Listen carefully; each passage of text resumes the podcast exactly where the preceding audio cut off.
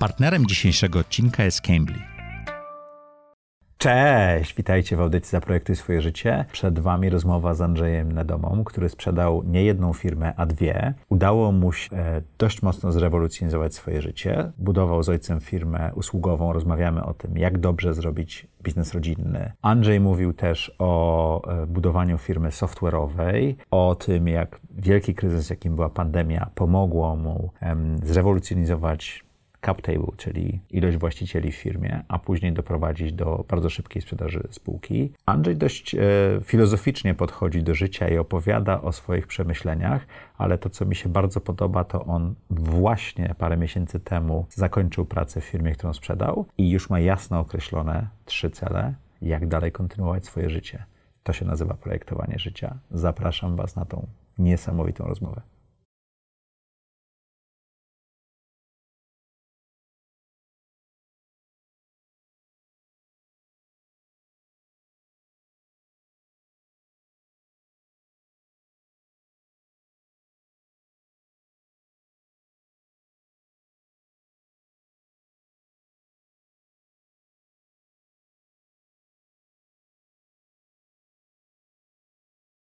Witajcie w kolejnym odcinku audycji Zaprojektuj swoje życie. Jak co tydzień, w czwartek o czwartej, zapraszamy dla Was interesujących gości, zastanawiamy się, co ich napędza, skąd biorą w sobie tą przedsiębiorczość, na jakim zakręcie życiowym wyszli z tego zakrętu, a na jakim się wyłożyli. Jeżeli jesteś tutaj pierwszy raz, koniecznie dajcie nam lajka i suba, to nam bardzo pomaga w budowaniu zasięgów, a jeżeli ten odcinek wzbudzi w Was jakieś emocje albo zainteresowanie, komentarz będzie bardzo miły. Jeśli nie byliście jeszcze na zaprojektuj swój biznes.pl, zapraszam Was bardzo serdecznie już w kwietniu konferencja o budowaniu firmy, o wzroście. Tam wszystko jest na tej stronie. Zapraszam. A dzisiejszym gościem jest Andrzej Niedoła. Bardzo dzień dobry i bardzo dziękuję za zaproszenie. E, Andrzej był gościem poprzedniej konferencji. Tak jest. Fajnie było. Było świetnie. No, Andrzej opowiadał o życiu po exicie. Nagramy po tym odcinku Zaprojektuj swój biznes i o tym też pogadamy. Ale teraz chciałem Cię poznać trochę lepiej. Cieszę bo my, się. Myśmy się przecinali tyle razy, ale nigdy nie było czasu pogadać. Andrzej, jak do tej pory wyglądało projektowanie Twojego życia? Och, to takie wielkie pytanie. Wiesz, już 43 lata mam na karku, więc to dużo tego projektowania było. Pytasz o to, jak rozwijałem swoje spółki, czy jak radziłem sobie To w godzeniu życia otwarte. i spółek. To zacznijmy od tego drugiego, a dodamy potem to pierwsze i jakoś to połączymy. Tak, moje życie się zmieniło, jak wyjechałem na Erasmusa do Włoch. To było Okej. Bergamo, fantastyczne miejsce. Wszyscy teraz znamy Bergamo, bo Ryanair tam lata i, i można tanio polecieć. E, ale tak naprawdę dla mnie to było miejsce e, tuż przy Alpach, gdzie mogłem jeździć na nartach, a jednocześnie byłem na studiach. W środowisku międzynarodowym, które było dla mnie wyjątkowym odkryciem. To, co było niesamowite w tym wyjeździe, to że mnie się wydawało, że to jakiś los na loterii wygrałem, wiesz. E, byłem we Włoszech, e, student z Polski, nagle studiował w takim wspaniałym miejscu, w takiej grupie i myślałem, Który to był świetnie. rok? 2001. Okej. A tam poznałem ludzi, którzy powiedzieli, że wiesz, myśmy wcześniej byli w Kuwejcie, teraz jedziemy do Peru, później tam gdzieś jakieś prace w Stanach Zjednoczonych, a później Australia, Nowa Zelandia. Ja sobie uświadomiłem, że Dla Ciebie oni robią... Alp to było wow, nie? No, ja często jeździłem po Europie, więc y, to, to, to nie było wow, dlatego że tam byłem po raz pierwszy. Nie byłem po raz pierwszy, Mhm. ale wiesz, po raz pierwszy byłem e, e, przez pół roku w środowisku międzynarodowym i wydawało mi się, że to już jest wielkie wydarzenie. A zobaczyłem, że dla nich to jest jakiś przystanek w wielkim życiu, które rozplanowali przez cały świat, Mhm. po wszystkich kontynentach. I poznając tą historię, to sobie uświadomiłem, trzeba wysoko mierzyć. No i tak to się zaczęło. Czyli ustawiłeś swój wektor dość daleko i wysoko. Tak, tak. Okej. Jakoś, jakoś stwierdziłem, że jeśli oni tak mogą, to, to warto spróbować też. Jakby ten apetyt mój, wiesz, taki międzynarodowy To- bardzo wzrósł. To po tych sześciu stąd miesiącach co się zaczęło dziać inaczej? Po tych sześciu miesiącach wróciłem do Krakowa Mhm. i powiedziałem mojemu tacie, który już wtedy miał e, biuro tłumaczeń, chociaż głównie było to jednoosobowe e, jego przedsięwzięcie. Powiedziałem, chętnie do ciebie dołączę, ale zróbmy z tego firmę. Wyjdźmy z domu, zróbmy biuro, zacznijmy zatrudniać ludzi i, i zróbmy z tego faktycznie organizację, która da nam, e, da nam coś więcej. Widoczność na świecie, dostęp do tego świata. Jaka była wpływ. reakcja Twojego ojca?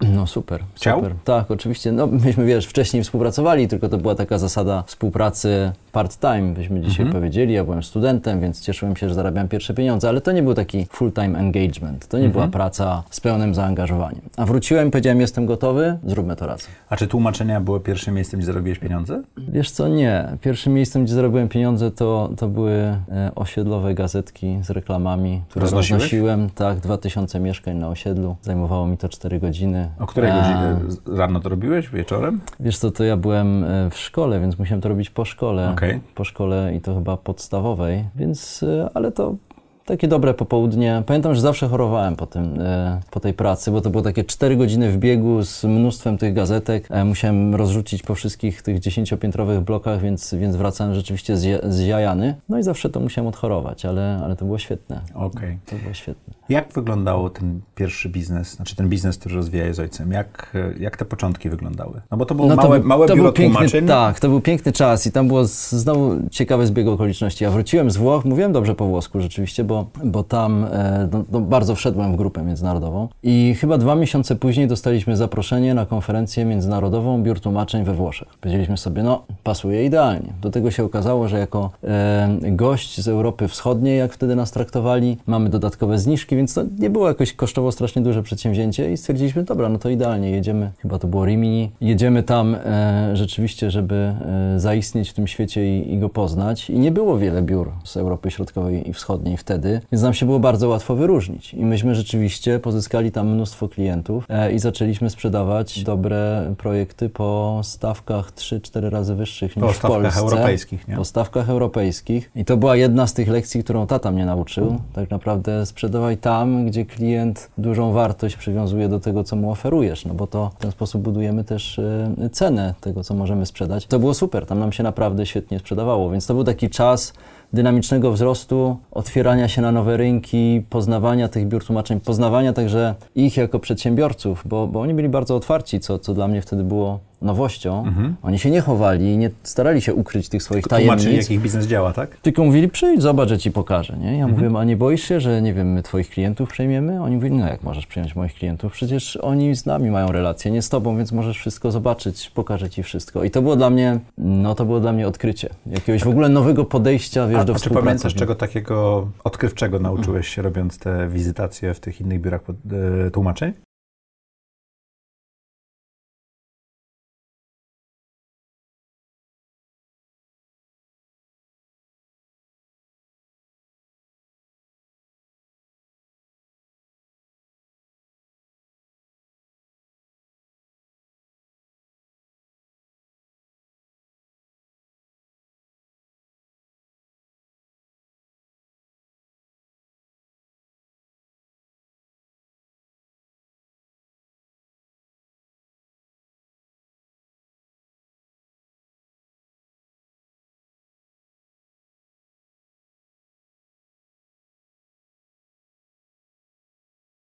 No wiesz co, e, w ogóle jak zorganizowane jest biuro jako, Mhm. jako struktura organizacyjna, jak rozmawiają z klientami, co im oferują, jak budują swoją ofertę, jakie stawki mają, jakie marże mają, czyli ile płacą nam jako podwykonawcom względem tego, ile, e, ile liczą klientom. No to był właściwie taki szereg lekcji biznesowych, który no powiedziałbym, opisywał całą firmę, całą Mhm. działalność, więc wszystko to co, to, co potrzebowałem, choć pewnie było tego dużo więcej, mogłem wyciągnąć więcej. Wtedy myślałem, że już jest dużo. Jak długo rozwijałeś ten biznes? Czyli powinienem powiedzieć, kiedy wyszedłem z tego biznesu. Myśmy go sprzedali w 2016 roku. Czyli po 15-14 latach prowadzenia. Tak, Jak tak. duży to był biznes? Udało nam się, udało nam się dojść do e, pozycji jednego z największych biur w Europie Środkowej i Wschodniej. Więc, e, Jak to się robi? Ha, chyba konsekwencją. e, Konsekwencją i, że tak powiem, odnoszeniem większej ilości sukcesów niż porażek, prawda? Bo Ale porażki każdym- były. Oczywiście, no mnóstwo było, mnóstwo było porażek, potknięć, nieefektywności. Zresztą ja też byłem młody, a jakoś tak przyjąłem na siebie tą, tą rolę e, dyrektora operacyjnego, zarządzającego, więc wszystkiego uczyłem się troszkę na bieżąco. Na pewno można to było zrobić szybciej, ale mm, no, pewną konsekwencją i przekonaniem, że, e, że potrafimy, to doszliśmy do takiego momentu, w którym mogliśmy powiedzieć, że jesteśmy zaufanym partnerem oferującym języki Europy Środkowej i Wschodniej dla zachodnich biur tłumaczeń i dla amerykańskich e, firm tego rodzaju. Czyli wy byliście poddostawcą dużych Najczęściej tak. biur, biur tłumaczeń, co wam ułatwiało też pewno robienie biznesu, tak? Bo No, ilość klientów była mniejsza. Nie wiem, czy ułatwiało. Y, Był to pewien model biznesowy. Okej. Tak? Dziś bym powiedział, że praca z klientami bezpośrednimi no, daje większe spektrum możliwości, bo nie ma, tych, nie ma tych pośredników. Pracowników, więc oczywiście marża jest większa, no ale z drugiej strony trzeba im, im umieć sprzedać. Ja tej sprzedaży uczyłem się w trakcie, więc y, dzisiaj umiałbym to zrobić zdecydowanie lepiej. Wtedy właściwie każdy nasz klient, biuro tłumaczeń, było sprzedawcą nas, naszych usług do swoich klientów, więc to dobrze się skalowało. Jak duży to był biznes w sensie obrotów, ilości tłumaczy i tak dalej, pamiętasz? No myśmy mieli około 10 milionów złotych obrotu, jak się sprzedaliśmy. Ilość tłumaczy w bazie to było około 5 tysięcy, wykorzystywanych to było kilkaset. To jest duża różnica między... Bo to zależało Tą- od projektów, prawda? Tak, no mamy oczywiście wielką masę tłumaczy, których mamy dostępnych, szczególnie, że mieliśmy taką zasadę, że pracujemy z ludźmi, którzy mieszkają w danym kraju, w którym mówi się językiem, na który tłumaczymy. Tak więc mieliśmy duży ten network, tą sieć tłumaczy, z którymi mogliśmy pracować, a w zależności od tego, jakie zlecenia dostawaliśmy, to takich wykorzystywaliśmy. Więc to było kilkaset osób, które pracowało co miesiąc z nami. Andrzeju, bo ty masz taką unikalną rzecz, którą chciałbym tutaj podrążyć, bo budowanie wielopokoleniowego biznesu bywa niełatwe. Tobie się udało to zrobić z ojcem. Tak.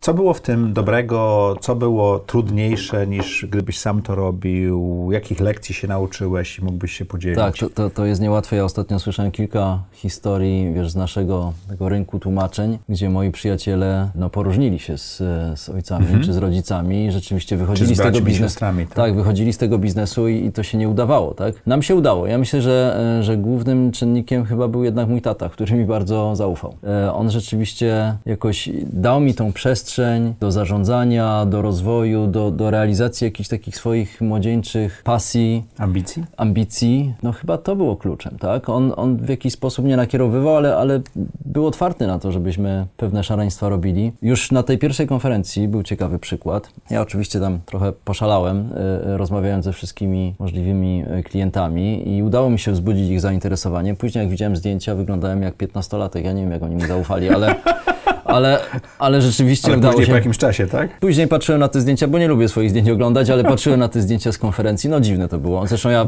dostawałem jakieś prezentacje, byłem speakerem na różnych No, konferencjach. ale więc- 2001 rok, czy ten drugi rok, to Polska jeszcze nie była w Unii, to było takie, jeszcze było egzotyczne, prawda? No właśnie, to ja tym bardziej egzotycznie wyglądałem.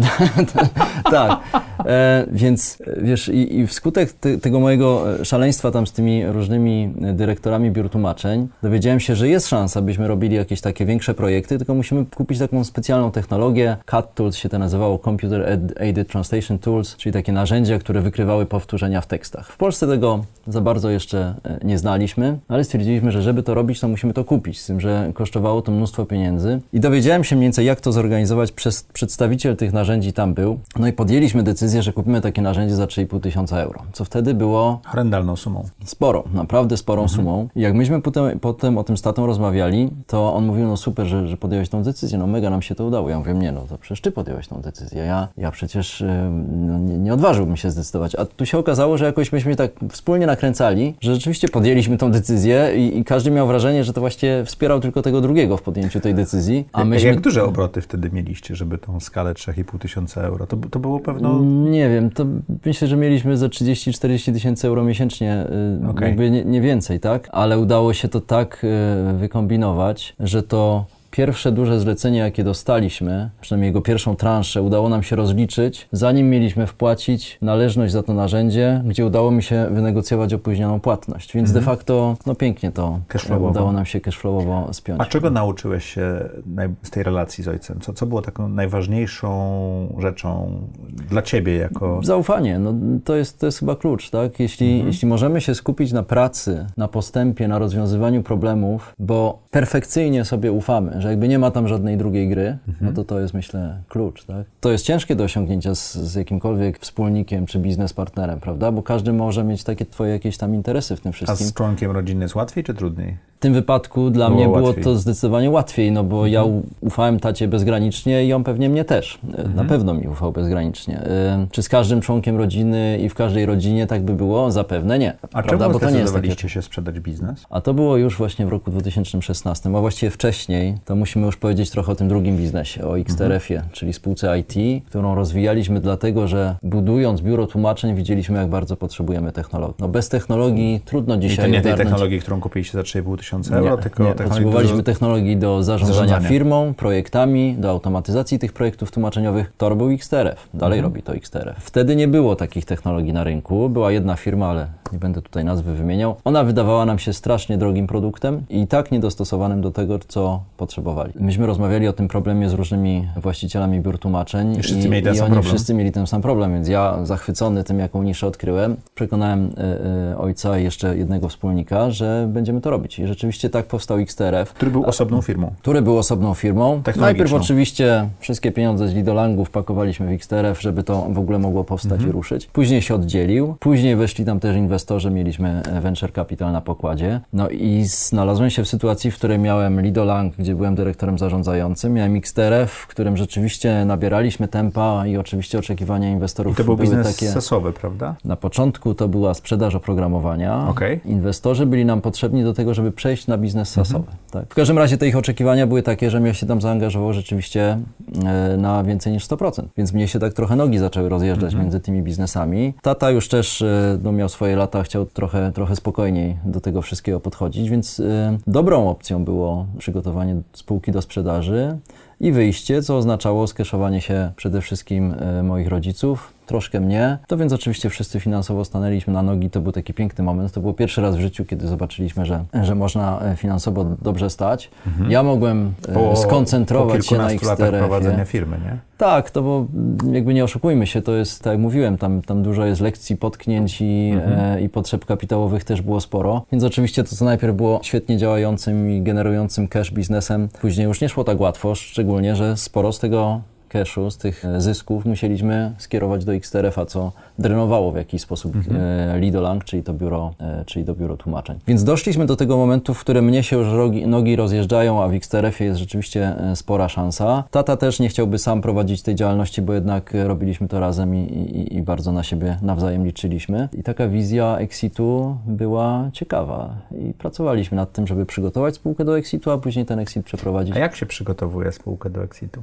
Nie chcę tego upraszczać, bo to nie jest taki, taki e, temat, żeby jednym zdaniem e, odpowiedzieć, ale powiedziałbym, że z jednej strony trzeba być niezależnym od tej spółki, żeby ta spółka nie była na naszych barkach, żebyśmy nie byli w centrum tej spółki, bo Czyli trudno się będzie od niej... być jedynym głównym zarządzającym Właśnie, również. trudno się będzie od niej oddzielić, czyli trzeba zbudować strukturę zarządzającą, która jest w jakiś sposób niezależna od founderów. A z drugiej strony trzeba się zastanowić, to co jest wartością dla kupującego. Bo sprzedając spółkę, to jest tak, jakbyśmy sprzedawali cokolwiek, tak? Zawsze ten, ten kupujący musi widzieć wartość w tym, co kupuje i to oczywiście mogą być różne aspekty, bo to może być EBITDA, lista klientów, e, czy jakaś Czy zdolność operacyjna, czy pracownicy, czy technologie, czy, czy zasięg geograficzny, czy lokalizację. No, mnóstwo rzeczy tam może być, ale trzeba się zdecydować, co tą wartość tak naprawdę niesie dla potencjalnych nabywców. No i gdy mamy zdefiniowane wartości, sami jesteśmy jakby gotowi do tego, żeby oddać tą spółkę w czyjeś ręce, bo struktura organizacyjna jest tam i ci ludzie to pociągną, no to możemy myśleć o sprzedaży. O, Ile, ile ten proces wam zajął? Od E, pomysłu, że trzeba to zrobić, do momentu, kiedy mogliście rozpocząć taki oficjalny proces, a potem sprzedaż? Wiesz, y, y, strukturę zaczęliśmy budować wcześniej, więc to, to, to nie mogę powiedzieć, że pomyśleliśmy, o, będziemy sprzedawać, Mhm. I to więc trzeba niezależnie od- budować, niezależnie od sprzedaży. Trzeba budować strukturę, więc myśmy tą strukturę zaczęli na pewno budować kilka lat wcześniej niż, Mhm. niż, niż blisko tego 2016, ale tak koło 14 to już wiedzieliśmy, że chcemy, chcemy się sprzedać, tak, że, Czyli że to jest ciekawa, Dwa lata ciekawa od takiego pomysłu do, Tak, do tak. sprzedaży. tak, chociaż rzeczywiście w sytuacji, gdy jest to spółka rodzinna, o to z kolei tutaj może być troszkę trudniej to sprzedać, tak? No bo własne różne dziecko. osoby są, są jakby związane, zresztą nie tylko ja i, i tata byliśmy w tej spółce, więc różne osoby y, są związane z tą rodzi- y, spółką rodzinną i taki exit dla wielu z nas coś oznacza, więc jakby dojść do takiego konsensusu, że to jest rzeczywiście atrakcyjny kierunek i dobry dla wszystkich, trochę też zajmuje, więc to trzeba nas spokojnie... A używaliście jakiejś firmy, która wam pomogła w procesie? Używaliśmy doradców, zresztą naszych inwestorów, którzy od tej strony finansowej nam pomagali, e, a od strony takiej powiedzmy negocjacyjnej, Transakcyjnej? e, transakcyjnej, jakby zrozumienia wartości i, i, i negocjacji kontraktu, to raczej byliśmy my. Czego nauczyłeś się w tym procesie? Że to trwa. I trzeba I temu że, dać czas, nie? Tak. I że firmy, które obstawiałem najbardziej jako potencjalni nabywcy, wcale nie okazali się końcowymi nabywcami. Tak naprawdę właśnie ten, ten układ postrzegania wartości może być dla nas zaskakujący. Dlatego warto sobie przy sprzedaży firmy e, zbudować takie segmenty klientów, czyli posegmentować ten rynek mhm. potencjalnych nabywców, zastanowić się, co dla każdego z nich może być Bo istotne. mogą być finansowi, branżowi, branżowi tak też się dzielą na różne tak potrzeby. Tak? Oni będą inaczej postrzegali mhm. wartość spółki ze względu na to, na te inne elementy, które, mhm. których im brakuje w ich układance. No bo przecież oni kupują spółkę po to, żeby ułożyć jakieś swoje plany, jakieś swoje cele, swój taki większy holding, który zapewne budują. I tak naprawdę to, co nam się wydaje, że może być najbardziej interesujące dla kogoś, y, może zostać przeważone przez y, innego gracza, który akurat wielką wartość przyczepi do jakiegoś innego e, ele elementu spółki, co coś zaskutkuje tym, że jego oferta po prostu będzie na końcu e, ciekawsza. Więc warto być otwartym, ale jednocześnie bardzo strategicznym. Czy pamiętasz ten moment, kiedy podpisaliście umowę i pieniądze pewnie. wpłynęły i tak pewnie, dalej? Pewnie, że pamiętam. Wspaniały to był moment, bo siedzieliśmy,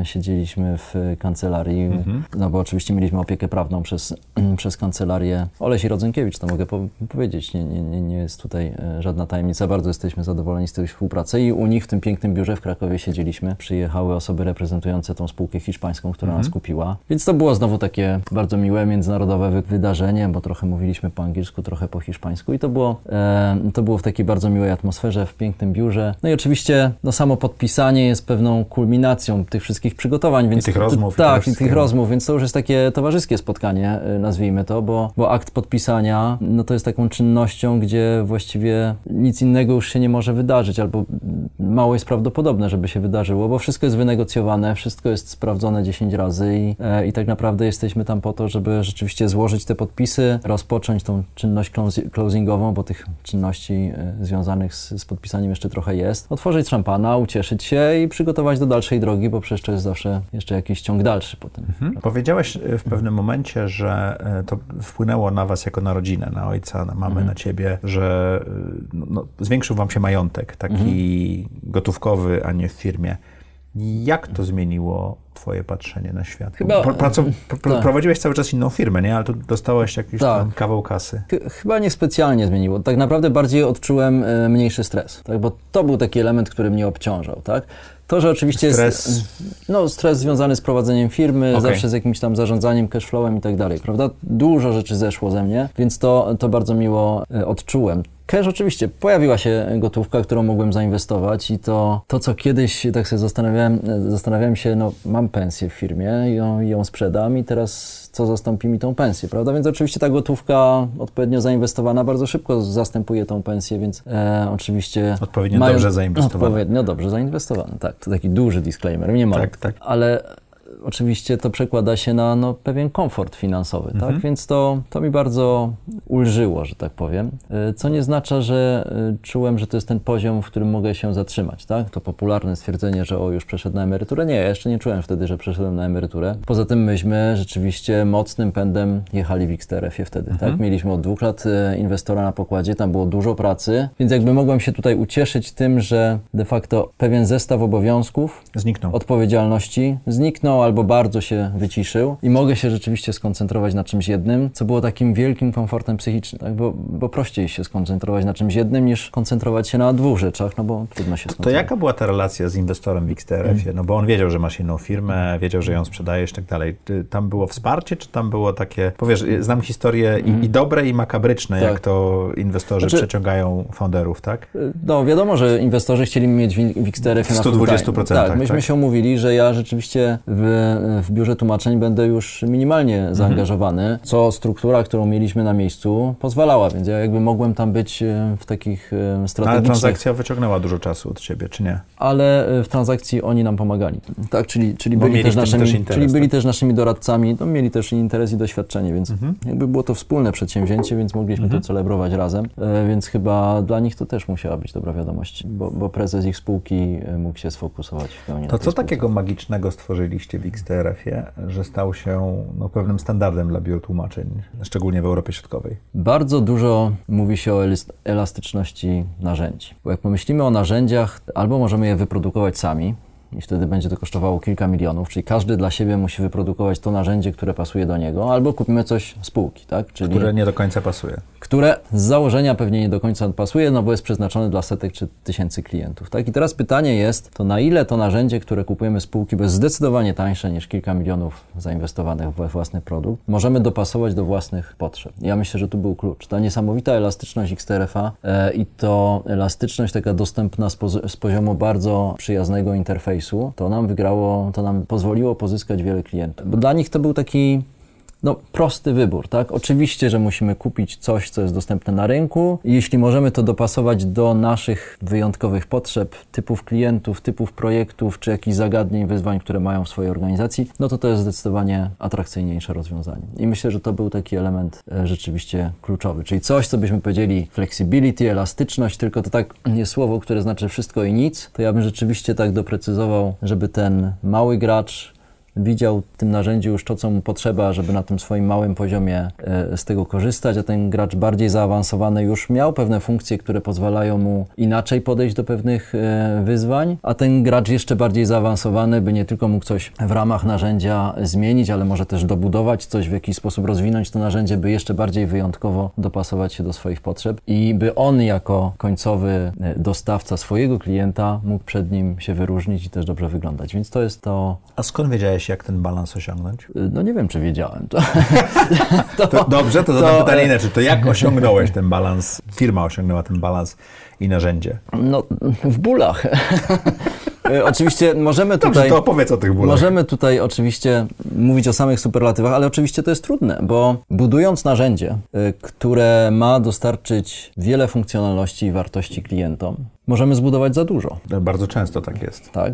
Z drugiej strony, chcąc. Czyli odpowiadasz na wszystkie potrzeby klientów, tak? Tak, fatalnie. Z drugiej strony, chcąc być miłym dla swoich klientów albo być partnerem dla swoich klientów, chętnie ich słuchamy i odpowiadamy na ich potrzeby i zachcianki. A każdy klient ma mnóstwo zachcianek. Im więcej mamy klientów, tym większą mamy listę zachcianek. I często nie, nie, wykorzysta tych zachcianek, może Częst, je po prostu Często ich tak? nie wykorzysta, a lista rośnie tak, że de facto nie da się jej zrealizować mhm. w przewidywalnym czasie, czy w jakimś skończonym czasie. Tak? Więc ym, to jest, y, powiedziałbym, trudna lekcja. Polega na tym, żeby zrozumieć, jak daleko możemy się posunąć, być dobrym partnerem dla klientów, a jednocześnie w sposób w miarę zdecydowany i skuteczny pokazywać, na co możemy sobie pozwolić, a co mhm. jest jakby wbrew interesom de facto wszystkich. Tak? Bo jeśli jeśli dostawca oprogramowania no, zatka swój, mhm. e, swoją zdolność produkcji i rozwoju systemu, dlatego że chce zrobić jakąś tam e, funkcjonalność dla jednego wybranego klienta, no to cierpią na tym wszyscy. Więc trzeba zawsze balansować pomiędzy tym, co jest potrzebne dla jednego, względem tym, co de facto buduje wartość szerszą dla szerszej części rynku. Myśmy mieli wiele podejść do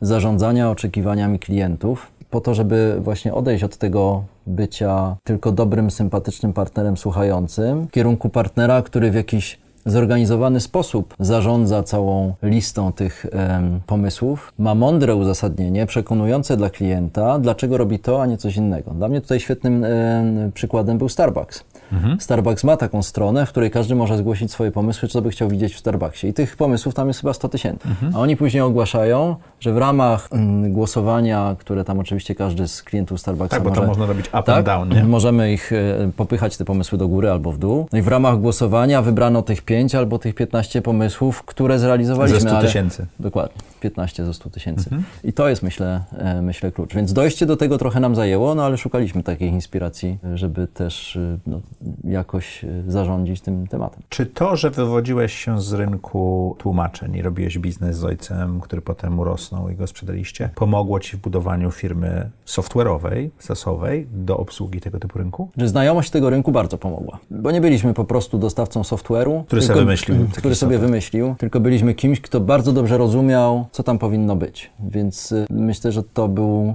no, istotny element wyróżniający nas na rynku. Tak? Musieliśmy oczywiście połączyć siły, i tu był mój partner biznesowy Dominik, połączyć siły z kimś, kto e, wie, jak to zrobić ze strony technologicznej, hmm. czyli ma doświadczenie e, deweloperskie, ale jak to powinno działać, no skądś trzeba tą wiedzę czerpać i oczywiście najpierw warto ją mieć e, we własnej głowie i z jakichś własnych doświadczeń to wnieść do firmy, a później oczywiście to doświadczenie zbiera się już po klientach, tak? bo przecież mhm no, nasze doświadczenie było przydatne na początku, ale później to feedback klientów ukierunkowuje w jakiś sposób. A, a kto e, był bieg. waszym, bo pierwszym to rozumiem, kto był, kto był waszym drugim klientem? Firma z Łotwy, firma Strombus. Która do was sama przyszła, czy wy do niej przyszliście? Jak, jak, jak, To jak też była ciekawa, to też była ciekawa historia, mogę ją opowiedzieć. Myśmy podjęli decyzję, że zrobimy XTRF-a e, na Rambla w Barcelonie. To jest taki deptak e, Tak, w tak, Barcelonie, tak, idzie się w dół, w kierunku Ale morza i szliście w szliśmy w dół w szliśmy, w dół szliśmy z tatą i tak sobie rozmawialiśmy o tym, co się właśnie wydarzyło na spotkaniu grupy, która nazywa się Eulogia. I to jest grupa, która zrzesza po jednym biurze tłumaczeń na każdy e, język Unii Europejskiej. Myśmy tam reprezentowali język polski. Ale to była fajna grupa, taka bardzo zaufana, więc dość otwarcie Mhm. można było e, z nimi rozmawiać i myśmy tam właśnie powiedzieli o pomyśle na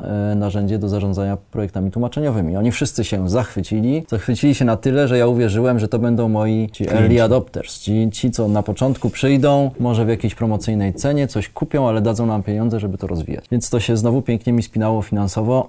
To był świetny plan. Ten plan się o tyle przewrócił, że nikt z nich nie kupił To wtedy. Dość normalne. Tak. Ale nie E, wiedziałeś tego jeszcze. tego nie wiedziałem. To się dopiero dowiedziałem właśnie z tej lekcji, że odległość między klientem zainteresowanym a klientem płacącym jest dość spora, więc y, trzeba to gdzieś tam w tym planie przewidzieć. Ale y, ja jeszcze wtedy w tej młodzieńczej naiwności uwierzyłem, że to tak się ładnie zepnie, ale później większość ze spółek z tej grupy rzeczywiście stała się klientami XTRF-a i pierwszym z nich był ten podmiot z Łotwy. Oni kupili XTRF-a w Pradze, gdy mieliśmy któreś tam kolejne spotkanie tej grupy, no nie tak szybko jak sobie mogłem zamarzyć, ale jakoś tam później. Jak pokazaliśmy, jak ten system działa, I wtedy jeszcze sprzedawaliście licencję, nie sprzedawaliście Niestety modelu. tak. Okej. Niestety tak. E, Ale jak pokazaliśmy, jak- jak ten system działa na moim komputerze, to mi się to tak spodobało, że spytali, czy mogliby od razu kupić z moim komputerem i by sobie to od razu wszystko wzięli do domu. E, Więc y, to oczywiście tak się nie wydarzyło, ale później, e, później szybko tą transakcję dopięliśmy e, i rzeczywiście, rzeczywiście to była pierwsza transakcja. Pamiętam, że cena to było 10 tysięcy dolarów, e, obniżyliśmy na 9500 w zamian za butelkę szampana, żeby celebrować, więc e, taki był, taki był Taki był deal. Czy ta młodzieńcza naiwność, o której już wspominasz któryś raz, była ważną cechą? A, w- myślę, że spytasz, czy z niej wyrosłem. Ale, ale, Nie, myślę, że nie będę pytał, bo mogę znać odpowiedź, ale czy ona była ważną cechą w budowaniu biznesu? Tak, no na pewno nieświadomość przeszkód jest rzeczą ważną. No, dobrze jest być bardziej świadomym pewnie przeszkód, żeby się do nich lepiej przygotować, aczkolwiek e, no to często tak jest, że jak czegoś nie jesteśmy świadomi, to łatwiej nam jest z pełnym zaangażowaniem w coś pójść i później rozwiązywać problemy po drodze, E, bo jakbyśmy dużo wiedzieli na początku, to może byśmy tam w ogóle nie zaczęli iść, prawda? Więc to jakby z tej perspektywy pewnie się ta młodzieńcza fantazja przydaje. A z perspektywy takiego uporządkowanego biznesu, no to dobrze jednak e, mieć ludzi, którzy potrafią wesprzeć i e, pewne rzeczy przewidzieć. Nie po to, żeby uniknąć danej ścieżki, ale po to, żeby się w jakiś sposób dobrze spozycjonować i przygotować. Żeby zwolnić przed zakrętem, tak? Tak, no tak jak mówią, to nie o to chodzi, żeby unikać wszystkich problemów, tylko żeby być na nie przygotowanym, mieć tą siłę, żeby przez nie dobrze przejść. Dopowiedziałeś ciekawą rzecz, którą teraz chyba możemy dobudować, że potrzebowaliście inwestorów, żeby zmienić firmę z modelu licencyjnego na mo- model sasowy. Dlaczego i jakich dobraliście? Tak, e, w modelu licencyjnym sprzedajemy licencję, czyli przychodzi właśnie klient, daje 10 tysięcy dolarów na stół, czy tam euro, czy czegokolwiek. I potem Jest ewentualnie jakiś- płaci za upgrade'y, albo nie. Tak, płacił, ale, ale niewiele. W każdym razie jest to jakaś kwota, która cieszy. Tak? Ona wspiera budżet firmy w danym miesiącu i to jest tak pozytywny przepływ pieniądza, który od razu jest gdzieś tam I potrzebny. re- jest relatywnie dużą kwotą. Jest relatywnie dużo, oczywiście później mieliśmy też innych klientów, te kwoty mogły być jeszcze większe. W każdym razie w każdym miesiącu, jak ta sprzedaż była, no to widzieliśmy, że to się zaraz przyda na pensję albo na jakieś tam inne pomysły, inne koszty firm. Model SaaSowy, czyli wynajmu licencji, Software as a service. Software as a service polega na tym, że my wynajmujemy narzędzie. Tak jak się wynajmuje mieszkania. Czyli Za ktoś płaci raz na opłatą. miesiąc, To tak albo jak, raz tak na samo jak się płaci za Spotify, czy za Dokładnie. Netflixa i tak dalej, tak? Różnica jest taka, że ten czynsz miesięczny Jest mniejszy. jest mniejszy niż zakup, tak? Czynsz wynajmu mieszkania jest zdecydowanie mniejszy niż zakup mieszkania. Mhm. Dlatego dużo ludzi wynajmuje mieszkania. I dlatego też dużo firm chce wynajmować narzędzia, żeby nie musieć płacić 10 czy ileś tysięcy e, z góry, tylko żeby móc co miesiąc wpisać to w swój cashflow, w swój plan finansowy, bo jest im łatwiej jakby skorzystać z tego narzędzia i jednocześnie nie przewrócić się finansowo, przełknąć to finansowo. Więc z punktu widzenia klienta jest to bardzo ciekawa opcja. Z punktu widzenia dostawcy oznacza to, że tych pieniędzy dużych, których potrzebujemy w danym miesiącu nie będzie, no bo będzie właśnie... Będzie co miesiąc mało, mało kapało. Jedna dwunasta y, rocznej pensji, czy tam rocznej opłaty, a może jedna czwarta, jeśli ktoś płaci za kwartał, ale to dalej będzie dużo mniej niż sprzedaż, więc pojawi się dziura finansowa i tą dziurę trzeba z czegoś zasypać, zasypać i pokryć i tu bo, nam byli bo, bo, potrzebni... Bo, trzeba dużo, mieć dużo więcej klientów, żeby pokryć ten MRR, czyli Monthly Revenue tak. Rate, tak? Tak, oczywiście ta zabawa ma sens, bo klient, który kupuje, no płaci raz dużo, a później bardzo mało przez jakiś okres czasu. Klient, który wynajmuje,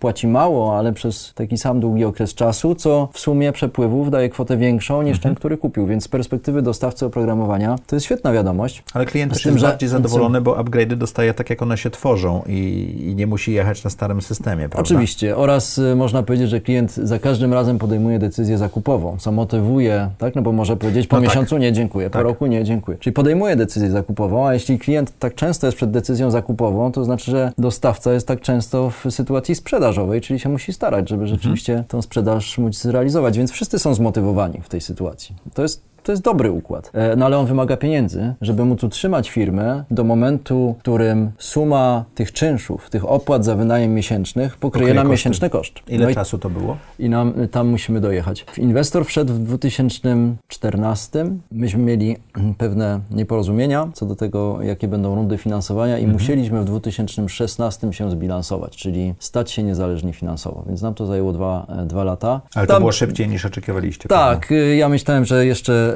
jeszcze akurat inwestorzy chcą się zaangażować dalej, ale tu już może nie wchodźmy w szczegóły. Bo, to, Musieliśmy zrobić to, redukcję kosztów. To, można zrobić spowalniając wzrost, prawda? No i dokładnie to zrobiliśmy, mhm. tak? Czyli ponieważ y, byliśmy w sytuacji, w której musieliśmy przejść tak naprawdę w samodzielność finansową, musieliśmy trochę obciąć koszty, trochę spowolnić wzrost, co nie było takie nie było takie Oczywiście złe. jest to duża lekcja też biznesowa. Jak rozmawiać z inwestorem? Jak rozmawiać z inwestorem oraz jak zbilansować koszty i przychody we własnej spółce. Czyli jak nie rozpędzić wydatków, bo problem w bilansie i w budżecie jest następujący. Budżet składa się z przychodów i wydatków. Gdy mhm. planujemy budżet, planujemy ile pieniędzy wydamy i planujemy ile pieniędzy przyjdzie, ile sprzedamy. I tą część wydatków realizuje się łatwiej bo wydaje się pieniądze łatwiej. Kolejny jest to bardziej przy... kolejny programista, kolejna tak, reklama. Oczywiście, tak? więc to można zrealizować świetnie. No oczywiście czasem trudno jest zrekrutować e, handlowca czy programistę, bo to gdzieś nie takie łatwe, ale, ale łatwiej jest wydawać pieniądze niż zrealizować agresywny plan sprzedażowy, który może oznaczać, że musimy podwoić ilość klientów albo w jakiś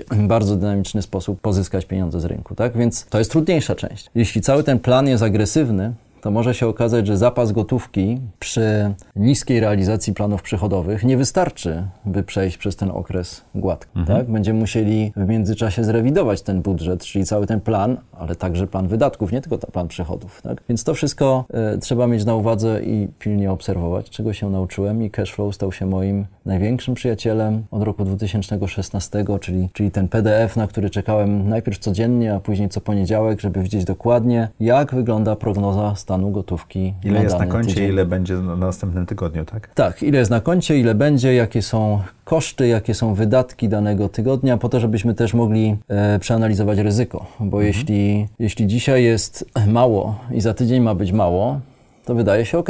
Jeśli w międzyczasie nie ma żadnych kosztów i żadnych e, przychodów, to zapewne po prostu to się wydarzy. Ale jeśli w międzyczasie są duże koszty i duże przychody, no to jest ryzyko, że znów koszt się wydarzy, a przychód się nie wydarzy. Bo się przesunie tydzień. Czyli mało, spadnie nam poniżej zera i znowu będziemy mieli problem. Więc to oczywiście trzeba tak e, precyzyjnie analizować też pod kątem tego, czy te przychody, które tam są, są realne. No i też trzeba zdać sobie sprawę w biznesie sasowym, że handlowiec y, generuje duży przychód, ale rozłożony mocno w czasie, tak? Tak. A pensję pobiera i prowizję co, co miesiąc. Oczywiście, że tak. E, ale to jest ciekawe doświadczenie dzisiaj mogę się tym e, dzielić i nawet robiłem jakieś szkolenia z zarządzania finansami albo poprawy to, płynności To dojdziemy finansowych. do tego, bo ty robisz teraz ciekawe rzeczy, ale ja mhm. chciałem jeszcze dopytać o dwie rzeczy. Z twojej perspektywy, zarządzającego dwoma różnymi biznesami, mhm. czym różni się e, zarządzanie biznesem tłumaczeń, czyli usługowym, usługowym. od biznesu e, software'owego, czy też digitalizującego inne firmy? Kilka jest takich przecięć które byśmy sobie tutaj mogli wymienić, żeby rozróżnić te dwa, te dwa modele. Pierwszy jest taki, że gdy dostarczamy usługę, dostarczamy wartość zazwyczaj od razu.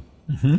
Tak? Czyli ty chcesz ode mnie, nie wiem, umycie samochodu, przyjeżdżasz, wyjeżdżasz, samochód jest czysty. Wartość jest od razu. Płacisz, jest wart. W przypadku dostarczenia software'u ta wartość zazwyczaj jest odsunięta w czasie. Dlaczego? Chcesz zautomatyzować swoje procesy, A, okej. płacisz za system, przechodzisz przez okres implementacji, wdrożenia i gdy wszystko się zadzieje, to widzisz efekty. Jeszcze zmieniasz systemy w organizacji, sposób działania w organizacji, bo musisz się do software'u dopasować. Czyli zmieniasz efekty, e, zmieniasz sposób działania swojej organizacji, wdrażasz nowy system i gdy zobaczysz efekty, to może być pół roku później albo 12 miesięcy później. Czyli decyzja zakupowa jest bardzo odsunięta w czasie od momentu pozyskania tej korzyści. Pod tym względem to jest może trudniejsze niż dostarczanie usługi. Dostarczanie usługi w naszym modelu, gdy, gdy korzystaliśmy z dostawców zewnętrznych, czyli freelancerów, e, było też, też dość proste finansowo. Czyli masz duże zlecenie, zatrudniasz dużo ludzi, oddajesz duże zlecenie i dostajesz dużo pieniędzy, żeby zapłacić dużą ilość ludzi. I tym ludziom mogłeś płacić po tym, jak dostałeś pieniądze. Zazwyczaj tak to e, się buduje, choć nie zawsze się to udawało nam zrobić, e, bo we Włoszech terminy płatności były akurat długie, więc wiesz, gdy zlecali Szwedzi, to tak było, gdy zlecali Włosi, to tak nie było, ale to już na tym,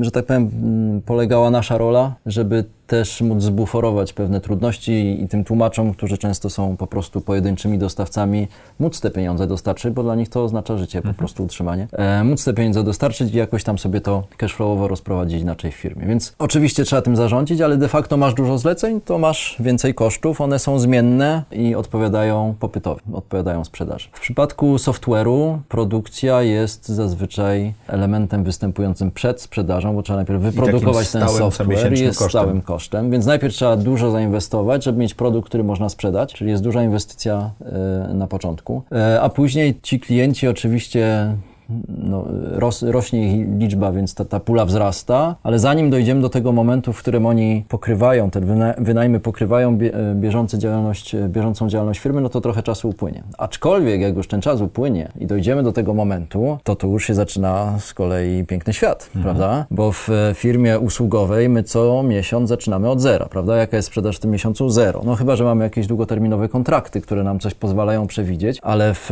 modelu SaaS-owym no wszystkie kontrakty są długoterminowe i No minus czern, minus tych minus ci czern, odpadają. minus tak? czern i oczywiście, ale czern podlega jakiejś statystyce, prawda? Więc to jest oczywiście wskaźnik, który się opt- optymalizuje. Zresztą z jednej strony mamy czern, z drugiej strony mamy upsell, czyli czern to ci klienci, żebyśmy wszystkim może wyjaśnili, tak? Czern to ci klienci z portfela, którzy odejdą, nie przedłużą licencji, czy nie przedłużą tego wynajmu e, oprogramowania. Upsell to z kolei sprzedaż więcej do tych klientów, którzy zostaną. Więcej licencji. Tak. No i dlatego mówimy, że jest coś takiego jak czern brutto, czyli ci, co odejdą i skorygowany o upsell, czyli czern netto i on może być pozytywny. Tak? I To wtedy są być... uśmiechnięte kohorty, jak to się mówi. Tak, wtedy są wszyscy uśmiechnięci. Tak. Tak. ja się zawsze śmiałem, że jak wchodziłem do biura, pierwszą osobą, którą widziałem, to był dyrektor finansowy. Jak był uśmiechnięty, to ja też miałem dobry dzień. e, więc wtedy się zaczyna magia w tej firmie e, sasowskiej, no bo mamy bardzo przewidywalne finanse. Gdy przychody są większe niż koszty, no to tego stresu takiego na co dzień nie ma. Bardziej zarządzamy wtedy de facto inwestowaniem tej nadwyżki zazwyczaj w W rozwój. rozwój- w rozwój produktu. Czyli co wpakujemy? W rozwój produktu, w rozwój marketingu, działu sprzedaży, działu obsługi, co z tym będziemy robić, prawda? Ale to już wtedy stajemy się troszkę Po inwestorem we jakim własnej czasie firmie. od tego 2014 roku ta magia się zaczęła robić? Bo w 16 musiałeś zbilansować firmę, co było ok, ale to jest takie na styk. A w którym momencie ta magia zaczęła działać? Znaczy, ponieważ zbilansowaliśmy firmę w 2016, to no, działaliśmy tak, żeby to się cashflowowo spinało. E, Ale nie z było drugiej nadwyżek, strony, one się spinały. Tak, z drugiej strony mieliśmy apetyt na wzrost, więc de facto to cały czas było takie balansowanie na krawędzi, bo musieliśmy przewidywać to, ile jeszcze pozyskamy nowych klientów i nowej mm, gotówki, żeby móc zainwestować właśnie w bardziej dynamiczny rozwój. Więc myśmy tam nie starali się specjalnie robić e, zysków, bo nie na tym to polega, szczególnie jak są inwestorzy na pokładzie, tylko raczej chodziło o reinwestycję, reinwestycję jak największej kwoty. Więc myśmy tam jechali cały czas e, blisko zera, a w tym roku chyba 19, 20 to już była naprawdę bardzo, bardzo przyzwoita EBITDA. W 21 też. 6 lat to zajęło, tak? Wtedy już weszliśmy w ten okres, że tak powiem, budowania Mhm. e, EBITDA, co było też związane z potencjalnym wyjściem i, e, i dalszymi planami. Ale wcześniej rzeczywiście jechaliśmy tak ciasno, że tak powiem, e, do granic możliwości, po to, żeby zma- zmaksymalizować e, rozwój. Więc śmiałem się kiedyś. Zdecydowałeś się? Jeszcze No, anegdotka. Tak, tak. jeśli mogę, bo kiedyś się śmialiśmy z moim wspólnikiem, e, dlaczego my tak jedziemy po bandzie? Mhm. No i odpowiedź była, no bo bardziej się nie da. Dobre. I to przez wiele lat. Dobra, nam muszę to paru moim startupom Tak. e, powiedzieć, także kradnę. E, w którym momencie zdecydowaliście się przygotować firmę do sprzedaży? Temat sprzedaży przewijał się Od początku Od chyba. początku, bo byli inwestorzy na pokładzie, więc oni e, jakby z tym tematem byli zaprzyjaźnieni jakby z natury swojego biznesu i oczywiście nas zaprzyjaźniali z tym tematem od samego początku, więc myśmy cały czas myśleli o tym, jak przygotować spółkę pod exit, kto mógłby e, w tym exicie uczestniczyć, znaczy kto mógłby być nabywcą, jakie wskaźniki, parametry, wycena, cały czas to było, zresztą różne rozmowy mieliśmy, różne, e, różne modele były tam e, omawiane, a tak naprawdę to wcale nie było takie proste zresztą, żeby, e, sprzedać taką firmę, no bo e, tak naprawdę potrzebna jest pewna wielkość spółki, żeby większe podmioty tym e, zainteresować. Bo E, za małe spółki trudno sprzedać. za małe spółki trudno sprzedać. I tak naprawdę pojawiła się pewna szansa w roku 2020. Gdy zaczęła się pandemia, e, myśmy się jeszcze wcześniej nie sprzedali. Mieliśmy atrakcyjne wzrosty, aczkolwiek nie takie 100 czy ponad 100% rok do roku. A bo wasz software pomagał firmom w pandemii zarządzać zdalnie pracownikami.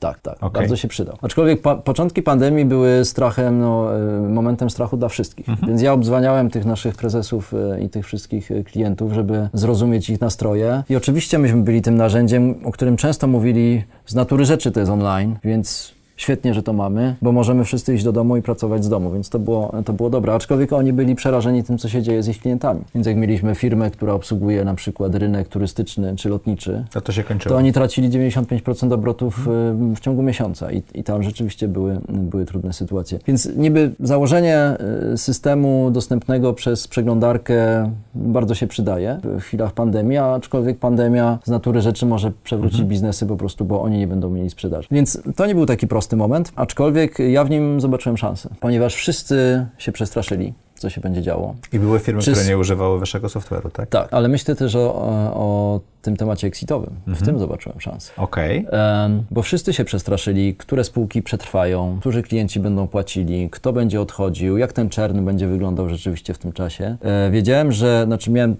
takie domysły, że nasz, nasz fundusz e, chyba będzie zbierał kolejny fundusz, a więc potrzebuje też jakiegoś sukcesu. To też nie był czas na nie wiadomo jakie sukcesy na rynku. I jakoś doszedłem do tego, że to jest dla nas szansa, żeby wykupić fundusz. To jest moment, w którym my możemy się zmobilizować. My jako bardziej, my jako założyciele. bardziej niż wtedy jeszcze myślałem, musieliśmy się zmobilizować, ale możemy się zmobilizować i rzeczywiście jakby pomóc sobie nawzajem, tak? My im możemy pomóc odnieść sukces. Taniej kupić firmę niż... My im możemy odnieść pomóc odnieść sukces poprzez exit, y, który myślę, że był bardzo, bardzo dobrym dealem i bardzo atrakcyjnym. Zresztą dwukrotnie zarobili na nas, y, znaczy Dwa razy ra- pieniądze. nie, nie dwa razy pieniądze, tylko w dwóch etapach, tak? Bo, e, bo przy, przy tym wyjściu naszym, tam też jeszcze była premia dla inwestorów, więc myślę, że inwestorzy na tym naprawdę, naprawdę dobrze zarobili. No, a my mogliśmy się usamodzielnić, e, zacząć iść swoją drogą po tym wykupie menadżerskim. Więc em, tak naprawdę A ten... to jest odważny ruch, żeby w czasie Tak. pandemii zainwestować własne pieniądze w wykupienie firmy, nie? Znaczy, nie mogę mówić o strukturze e, transakcji czy o szczegółach transakcji. E, on był trudnym ruchem, ale myślę, że udało się nam zrobić to tak, żeby z jednej strony był realny, mógł być dowieziony, jeśli chodzi o obietnice, finansowany i jednocześnie nie był katastroficznie niebezpieczny. Więc e, to wymagało dużo pracy, ale no, udało się i to tak się udało, że właśnie jak trzy dni temu napisałem o rocznicy naszego exitu, no to pani Marzena, e, właścicielka funduszu, też tam lajkowała i gratulowała, więc to mamy miłe relacje, więc to jest, to jest bardzo dobre. A byliście w stanie sprzedać biznes y, raptem niecałe, niecałe dwa lata później, prawda? Tam A sprzedaliśmy biznes niecały rok potem. Niecały rok potem. Niecały rok potem, więc to była w ogóle taka znów ciekawa sytuacja. Czy Taka ciekawa jazda bez historia. trzymanki przez dwa lata, tak? Jazda bez trzymanki była wcześniej, a później jak już wykupiliśmy fundusz, mieliśmy sporo zobowiązań, e, żeby jeszcze e, odpowiednie kwoty tam płacić, ale też odzyskaliśmy swobodę Kontrolę. i kontrolę i swobodę decyzyjną, więc mogliśmy ze wspólnikiem powiedzieć, dobra, teraz przestajemy myśleć o exitach i o funduszach i o wszystkich, e, że tak powiem, przez chwilę rozpraszaczach, tak to nazwijmy, skupmy się na budowaniu biznesu. I tak sobie postanowiliśmy, przez dwa lata robimy to i naprawdę tempo i efektywność pracy nam wzrosły skokowo. Mam wrażenie, w momencie... Motywacja również się zmieniła, nie? Motywacja, no nie musieliśmy też cały czas y, wszystkich wyzwań czy pomysłów, strategii omawiać Mhm. z funduszem, tylko mogliśmy podjąć decyzję, powiedzieć tak i szybko przechodzić do realizacji. Więc to efektywność pracy naprawdę nam bardzo wzrosła. No i mieliśmy 100% kontroli, co też y, bardzo pomagało. A w ciągu chyba trzech miesięcy od tego postanowienia, że nie będziemy już o tym myśleć, dostaliśmy pięć ofert. Które na- po prostu przyszły z rynku. które przyszły, bo nagłośniliśmy sprawę że sprzedali, że wykupiliśmy firmę. Więc Mhm. na pewno to na nas trochę zwróciło uwagi. Zresztą na, tej fir- e, na tym rynku trochę tych transakcji się pojawiało. M&A-owych. Czyli wy nie szukaliście kupca. Nie. A to jest dobry, dobry moment, jeżeli kupiec szuka... Mnożniki są był- lepsze. tak, tak, no oczywiście. Mnożnik był zdecydowanie lepszy e, oraz całe to doświadczenie z funduszem i z wykupem, e, nawet jak sobie powiedzieliśmy, że nie chcemy rozmawiać z funduszami, pomogło nam bardzo łatwo zdefiniować, co chcemy, a czego nie chcemy. Okej. Tak, więc de facto rozmowa z kimś, na kogo nie czekaliśmy, dla nas też była prosta, bo myśmy szybko mogli powiedzieć, ok, no ale to nasze warunki brzegowe są takie. Jeżeli ich Jeśli nie spełniacie, to do widzenia. jeśli jest ok, to wiadomo, że to nie tak y, bezczelnie i upfront wszystko na stół kładliśmy, ale, ale my wiedzieliśmy między sobą, na co możemy się zgodzić, na co, na co nie możemy się zgodzić, co bardzo ułatwiło całe te rozmowy. Tam znowu tak naprawdę gracz, który się zgłosił i którego obstawiałem jako do, docelowego nabywcę, to znowu nie był ten, kto kupił. tak? Więc tutaj po raz kolejny ta sama lekcja, zupełnie kupił ktoś inny niż myślałem. Ale y, samo to, że było to zainteresowanie, było ciekawe i tak jak mówię, kilku z tych, z tych pięciu y, miało takie y, pomysły na tą transakcję, które spełniały nasze oczekiwania, więc to... I to była było dużo ciekawe. większa transakcja dla ciebie osobiście niż sprzedaż biznesu usługowego. O tak, no to ponad dziesięciokrotnie większe. Mhm. Więc to Na konferencji opowiadałeś bardzo ciekawą anegdotę. Jaki to był moment, kiedy dostałeś ten przelew, tak? Tak. Opowiesz o tym?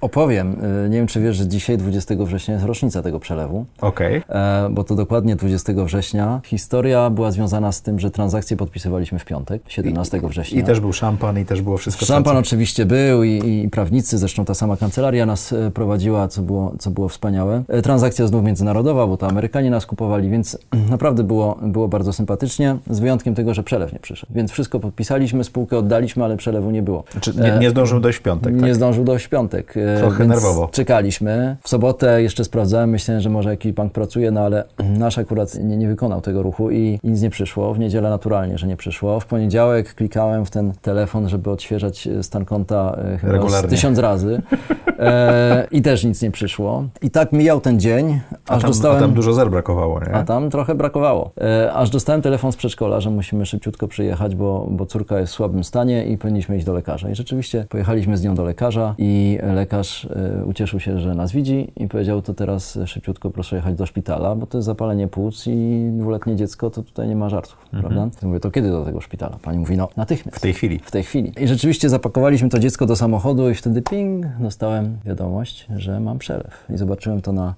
moim telefonie. Dziecko płacze, jesteśmy w drodze do szpitala z własnym dzieckiem, we własnym samochodzie, a tutaj przelew taki, na który de facto mógłbym powiedzieć, że pracowałem 20 lat. Więc y, to była, to była niesamowita historia i tak jak mówiłem tobie, to nie był taki przelew, żebym w poziomie musiał trzymać telefon, ale w pionie ten przelew też bardzo dobrze wyglądał. To był moment, kiedy mieliśmy otworzyć szampana i, i celebrować to i, i ten szampan czekał od piątku w lodówce. A życie zapukało. A tymczasem życie zapukało i znalazłem się na oddziale dziecięcym w szpitalu e, i ustaliliśmy, że to ja zostanę na noc, e, no bo to jest trudne, wiadomo. E, więc ustaliliśmy, że, że może e, mężczyzna odporniejszy zostanie w szpitalu. E, i to na mnie wypadło. I ten wieczór spędziłem właśnie na tej metalowej pryczy, bo to takie, takie łóżka szpitalne, nic, nic dobrego e, oczywiście nam się nie, nie kojarzy z tymi łóżkami, aczkolwiek był tam promyk i uśmiech. Jak zobaczyłem nazwę producenta tego łóżka, to przypomniałem sobie, że myśmy dla nich robili tłumaczenia tych łóżek w biurze tłumaczeń, które sprzedaliśmy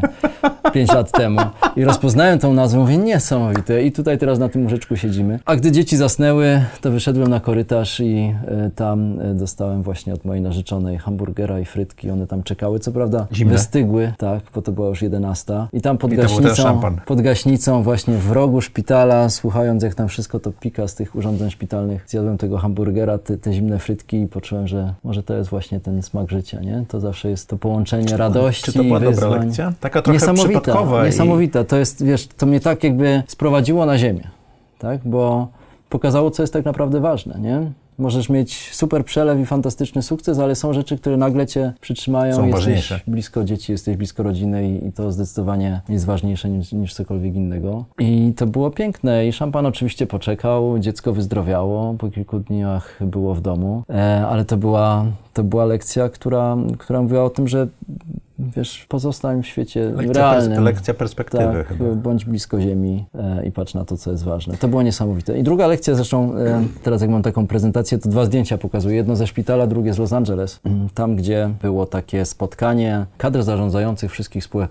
portfelowych funduszu K1, który nas kupił. Ja tam oczywiście zostałem zaproszony jako prezes XTRF-a e, i taki dumny poleciałem, jak to nam dobrze ten exit poszedł. I przy jednej kolacji rozmawiałem z, ze spółką i jakoś doszło do wycen i się okazało, że oni mają chyba 50 czy 60 razy większą wycenę niż nasza. E, I robią niesamowite rzeczy i to mi z kolei otwarło oczy na to, że to zawsze jest jeszcze jakiś kolejny poziom, zawsze jest jakiś kolejny krok. A teraz mógłbym jeszcze dopowiedzieć coś do tej historii, e, bo to z ostatnich dni właściwie. Gdy się mnie ludzie pytają, to na czym polega teraz ta twoja wolność po sprzedaży firmy, po takim exicie? Bo różne rzeczy robię, no ale jakieś poczucie wolności jednak jest. E, I wyobraź sobie, że, że właśnie ta firma ostatnio zaproponowała mi bycie dyrektorem zarządzającym e, na Europę, e, Azję za no, naprawdę duże pieniądze i stwierdziłem, no nie, nie, jakby nie dam się zamknąć w biurze i odmówiłem. I pomyślałem, to No, jest... możesz taką decyzję podjąć. Tak. I pomyślałem, to jest jakieś takie, widzisz, poczucie wolności, że, że teraz mogę już wybrać, powiedzieć nie, jednak ten, ten taki styl życia, który udało mi się wypracować, jest dla mnie już cenniejszy niż jakaś tam super oferta pracy, więc to jest I ciekawa, miłe. i, i dobrze, dobrze płacąca. Tak, tak, bardzo ciekawa, bardzo dobrze płatna, ale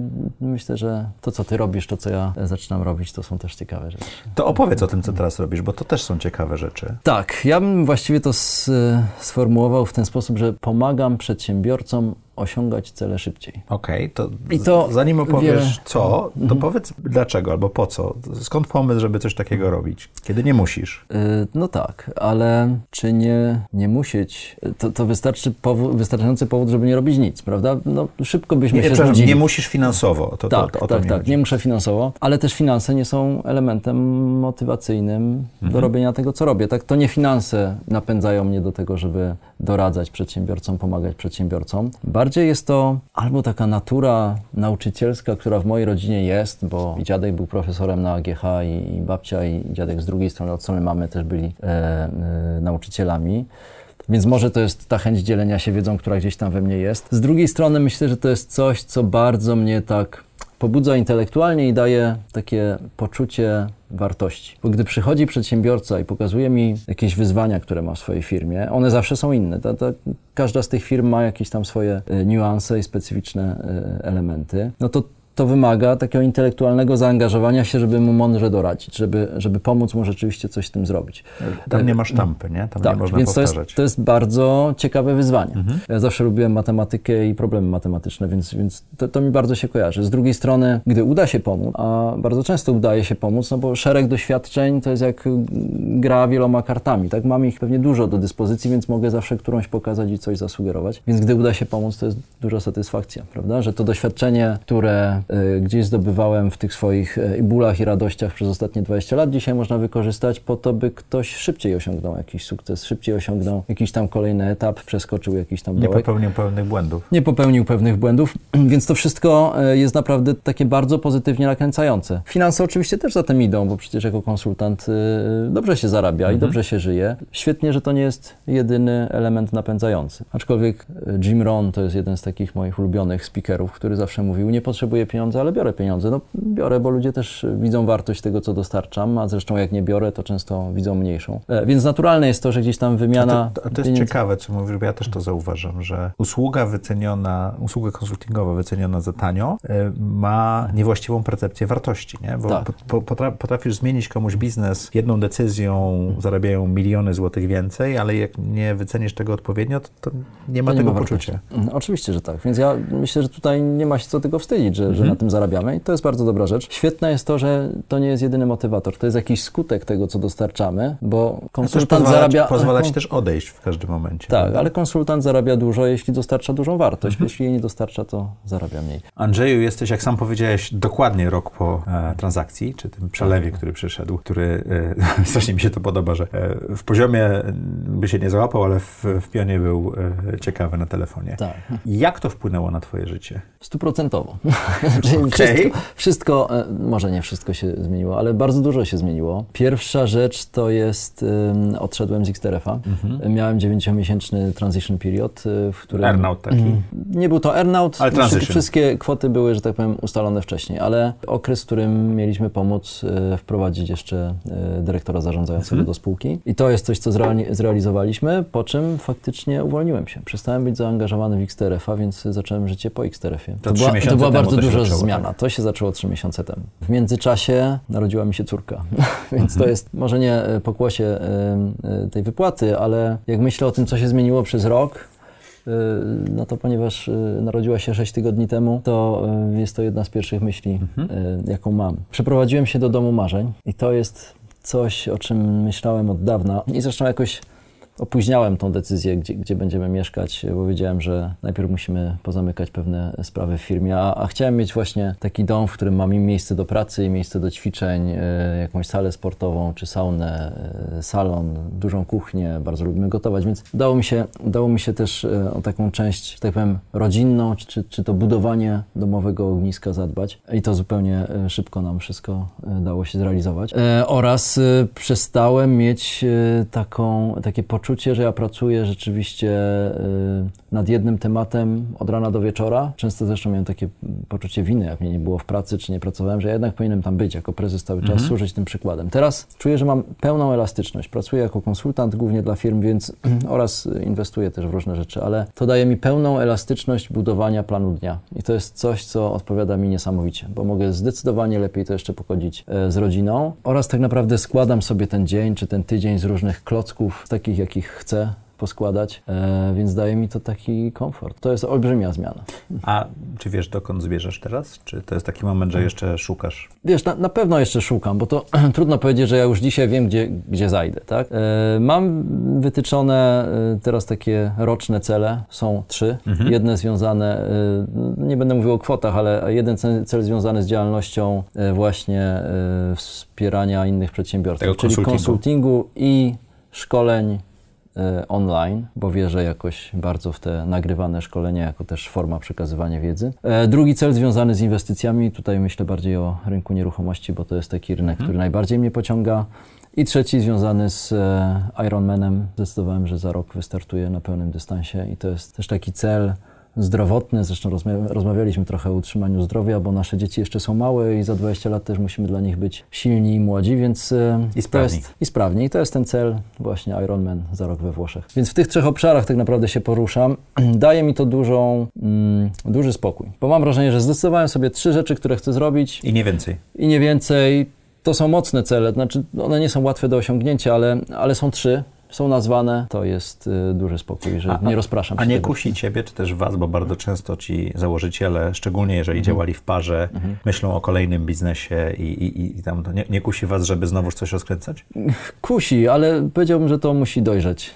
Ym, oczywiście Czy pomysły się rodzą, tak? Pomysły się rodzą, zresztą nie tylko z, z tym wspólnikiem, ale też z innymi partnerami. Zresztą działalność e, nieruchomościowa związana jest z budową, z budową kolejnej spółki. To jest duże przedsięwzięcie, e, które chcemy zrobić. Więc de facto to już w tych kategoriach się trochę mieści. Zobaczymy, e, gdzie będziemy za rok e, i czy tam będzie jeszcze przestrzeń na coś więcej. E, Na pewno jakiś taki, wiesz, holding docelowo, jako właściciel holdingu, widzę się w czymś takim, ale powiem Ci, że taki, taki role model, taki wzorzec dla mnie to Tony Robbins. To jest jeden z cię- bardziej znanych cię pociąga. influencerów, tak, influencerów, który robi też szkolenia, robi mnóstwo takich Mhm. Książek wydarzeń online, kupę. książki pisze, ale też e, 110 firm posiada, czy jest zaangażowany w sto- w 110 firm, więc bardzo szeroką ma działalność, a jednocześnie no, wpływa na bardzo wiele ludzi.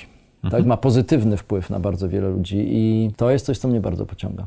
Tak? Nie Tam gdzieś stoi Obudź Giganta, to książka, która Właśnie. w latach 90. miała na mnie Tak. duży wpływ, tak? No Wtedy właśnie. nauczyłem się, co to jest NLP i tak dalej. Właśnie, jedna z moich ulubionych. Można. Więc y, to jest taki, taka wizja, do której... To wiesz co, ja sobie rezerwuję taką opcję, żeby za 2-3 lata nagrać z tobą jakiś taki odcinek i porównać to, co mówisz teraz, do tego, co się z tego urodzi. Bo to, jest, to jesteś w bardzo ciekawym momencie w tej chwili, bo wszystkie ścieżki się otwierają. Tak. I, i teraz y, wybranie kilku spowoduje, że że pozostałe się zamkną, nie? Nie da się wszystkiego robić. No, oczywiście, ale to, to tym bardziej cieszę się, że właśnie wybrałem Że sobie trzy. moje trzy, trzy cele, bo to na razie mnie nieźle ukierunkowuje. A tak naprawdę, wiesz, y, praca z przedsiębiorcami otwiera bardzo wiele drzwi, bo z jednej strony jesteś ich konsultantem, wspierasz ich coachem, mentorem, e, różnie można y, te swoje role definiować, ale przecież to są konkretne biznesy. Być może oni cię potrzebują bardziej niż tylko jako mentora, może jako inwestora, więc moim zdaniem tam drzwi otwiera się mnóstwo.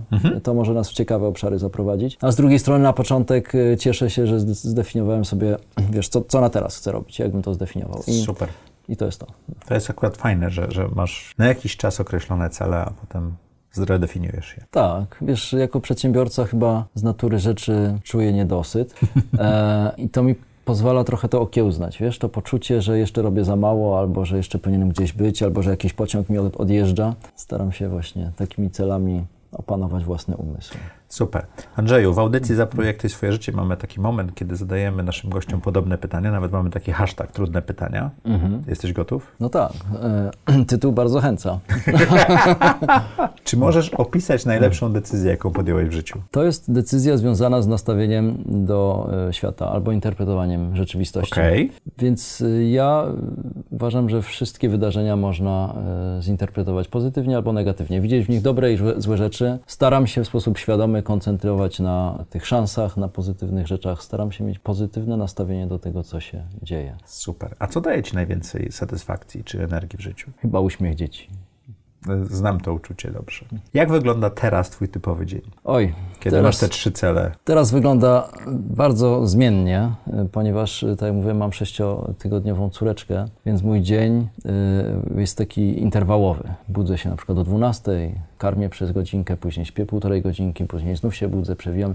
Więc ta noc jest bardzo podzielona na interwały. Ciężko mi jest rano wstać, więc Szczególnie jak się taki... Tak, Szczególnie, więc normalnie bym powiedział, że rano jestem na treningu i, i, i robię jakiś z moich treningów e, triatlonowych. Teraz nie mogę tego powiedzieć, żeby być całkiem tutaj szczerym, ale zazwyczaj e, rano mam sesje konsultingowe, mam spotkania z klientami. Spotykasz się zdalnie czy osobiście? Zdalnie. Moi klienci nie są w Polsce, więc e, jakby jest mi wygodniej, choć chętnie bym do wielu z nich latał, bo są w ciekawych miejscach świata, ale do tego jeszcze dojdziemy. E, Tam gdzieś oczywiście jest logistyka, dzieci, przedszkola, wiadomo, że to, to wszystko trzeba w to wpisać. Jest w tym troszkę czasu takiego elastycznego w ciągu dnia dla nas z partnerką, więc możemy wyjść na lunch na rynek y, albo gdzieś sobie po prostu iść i to jest też, to jest też piękny czas. E, Jest w tym dniu zazwyczaj sporo nauki, bo czuję, że w ramach tych no nie tylko usług konsultingowych, ale przygotowania do takiego bardziej dojrzałego oferowania szkoleń online czy jakichś produktów online, no to jest y, masa wiedzy, którą jeszcze y, chciałbym pozyskać, żeby robić to lepiej. Więc szkolę się, y, kupuję szkolenia i często jest to albo wczesne popołudnie, albo po tych rytuałach wieczornych z dziećmi i usypianiem jest to taki wieczór późny do 12, czasem do pierwszej, gdzie jeszcze się na tym koncentruję. Ale nie ma teraz, teraz z uwagi na sześciomiesięczne, e, sześciotygodniowe e, dziecko, to, to tam nie ma regularności, tak? No właśnie, więc tej regularności mi tak naprawdę trochę brakuje. Żałuję, że nie mogę odpowiedzieć, tak wygląda mój dzień i on jest y, bardziej Ale uporządkowany. opowiadasz szczere, to czemu żałujesz?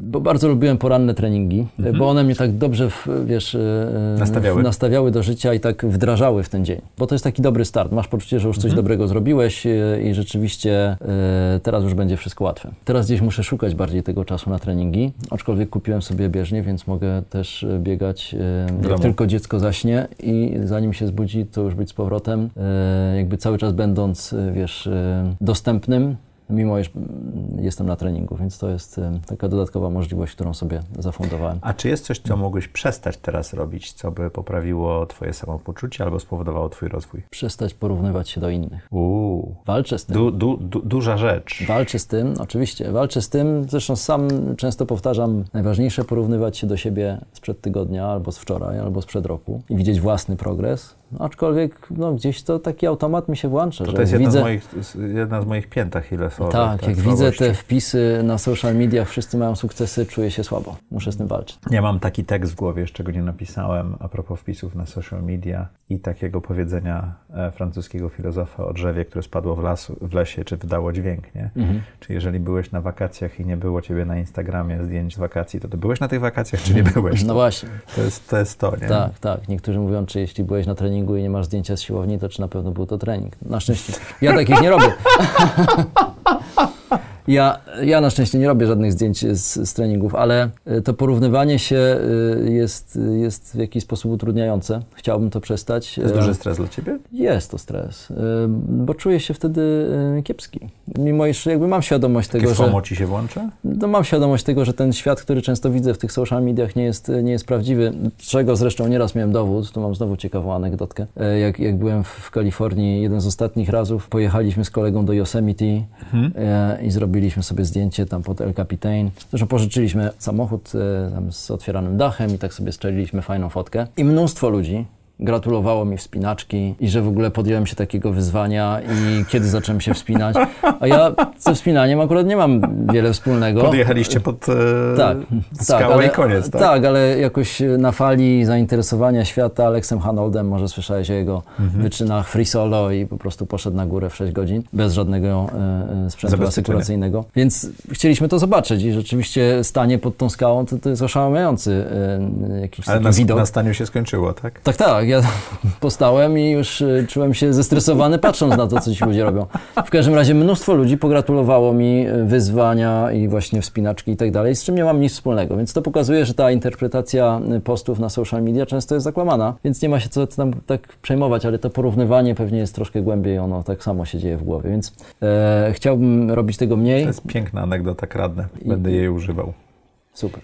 E, jaką masz supermoc? Nie wiem, czy mam jakąś supermoc. Zakładając, że wszyscy mają supermoc, moją jest zadawanie trudnych pytań. Gdybyś miał strzelić, to jaką masz? No niektórzy mówią, że dość prosto opowiadam o trudnych sprawach. Może to jest to.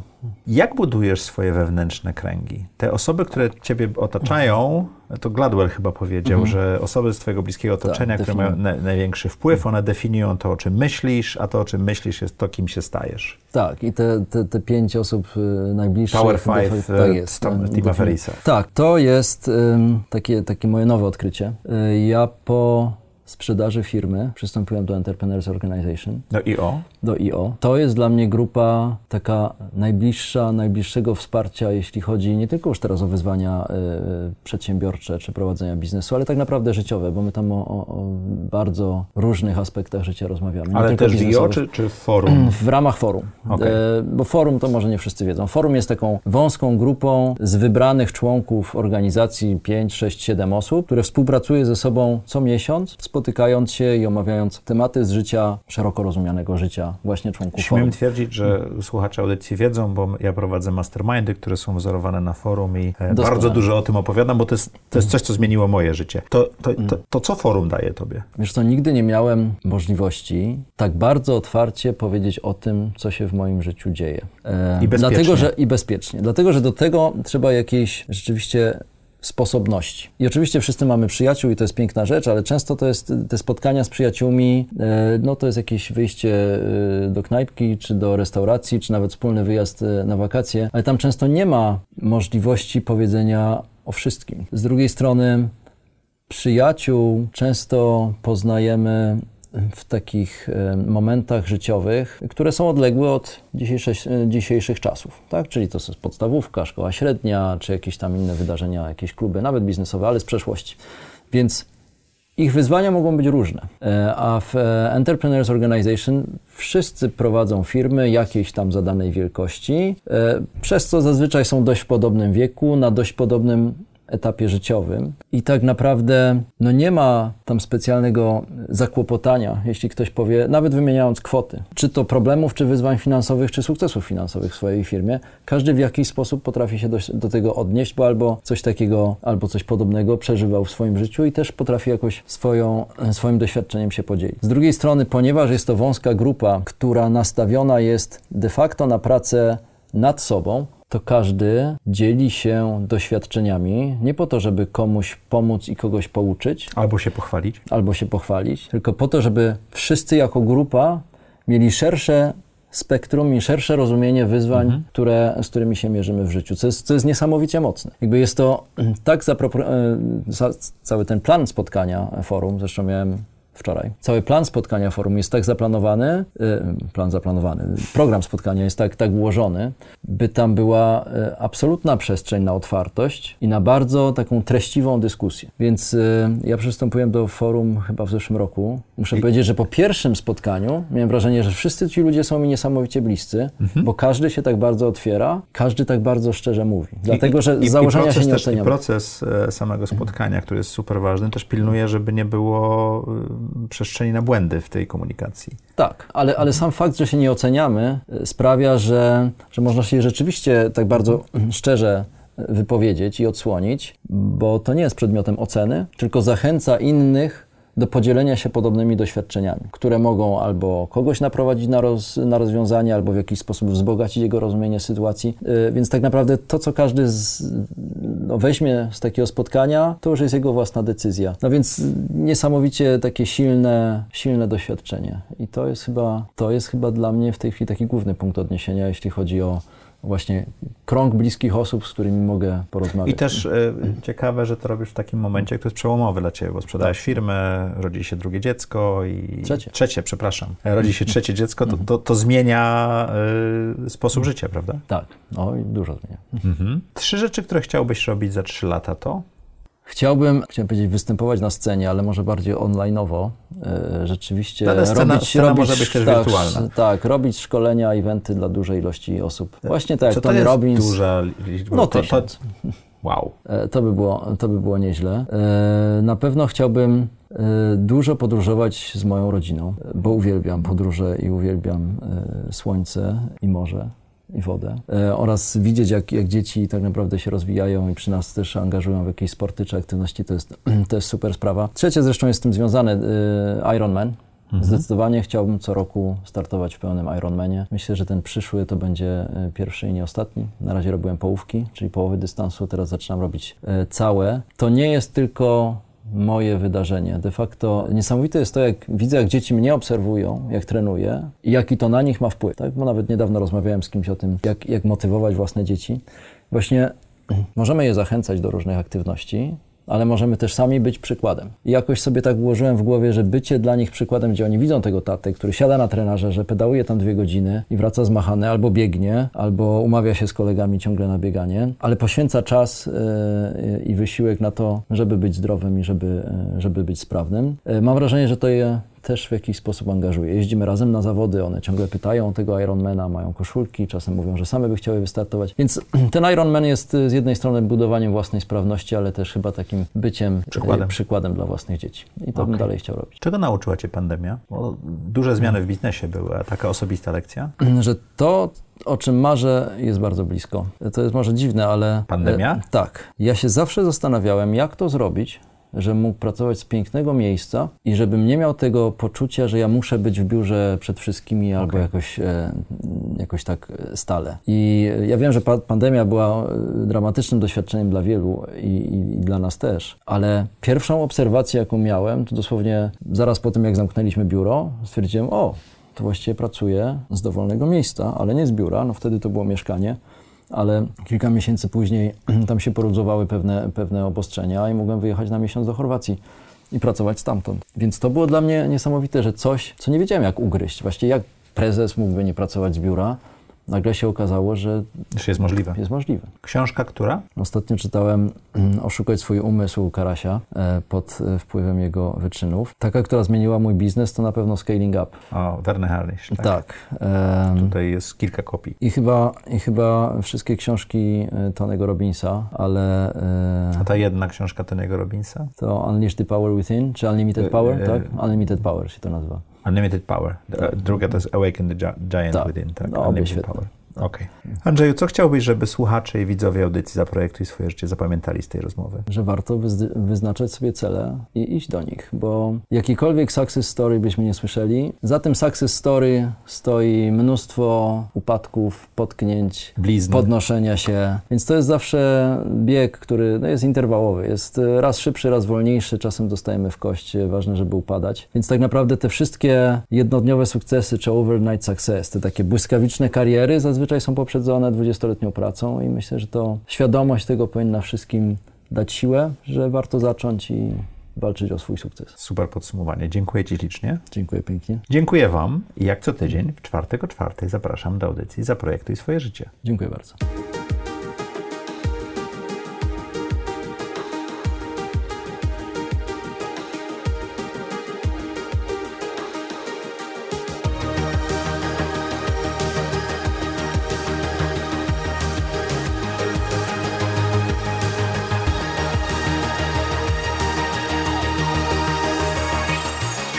Zaprojektuj swoje życie.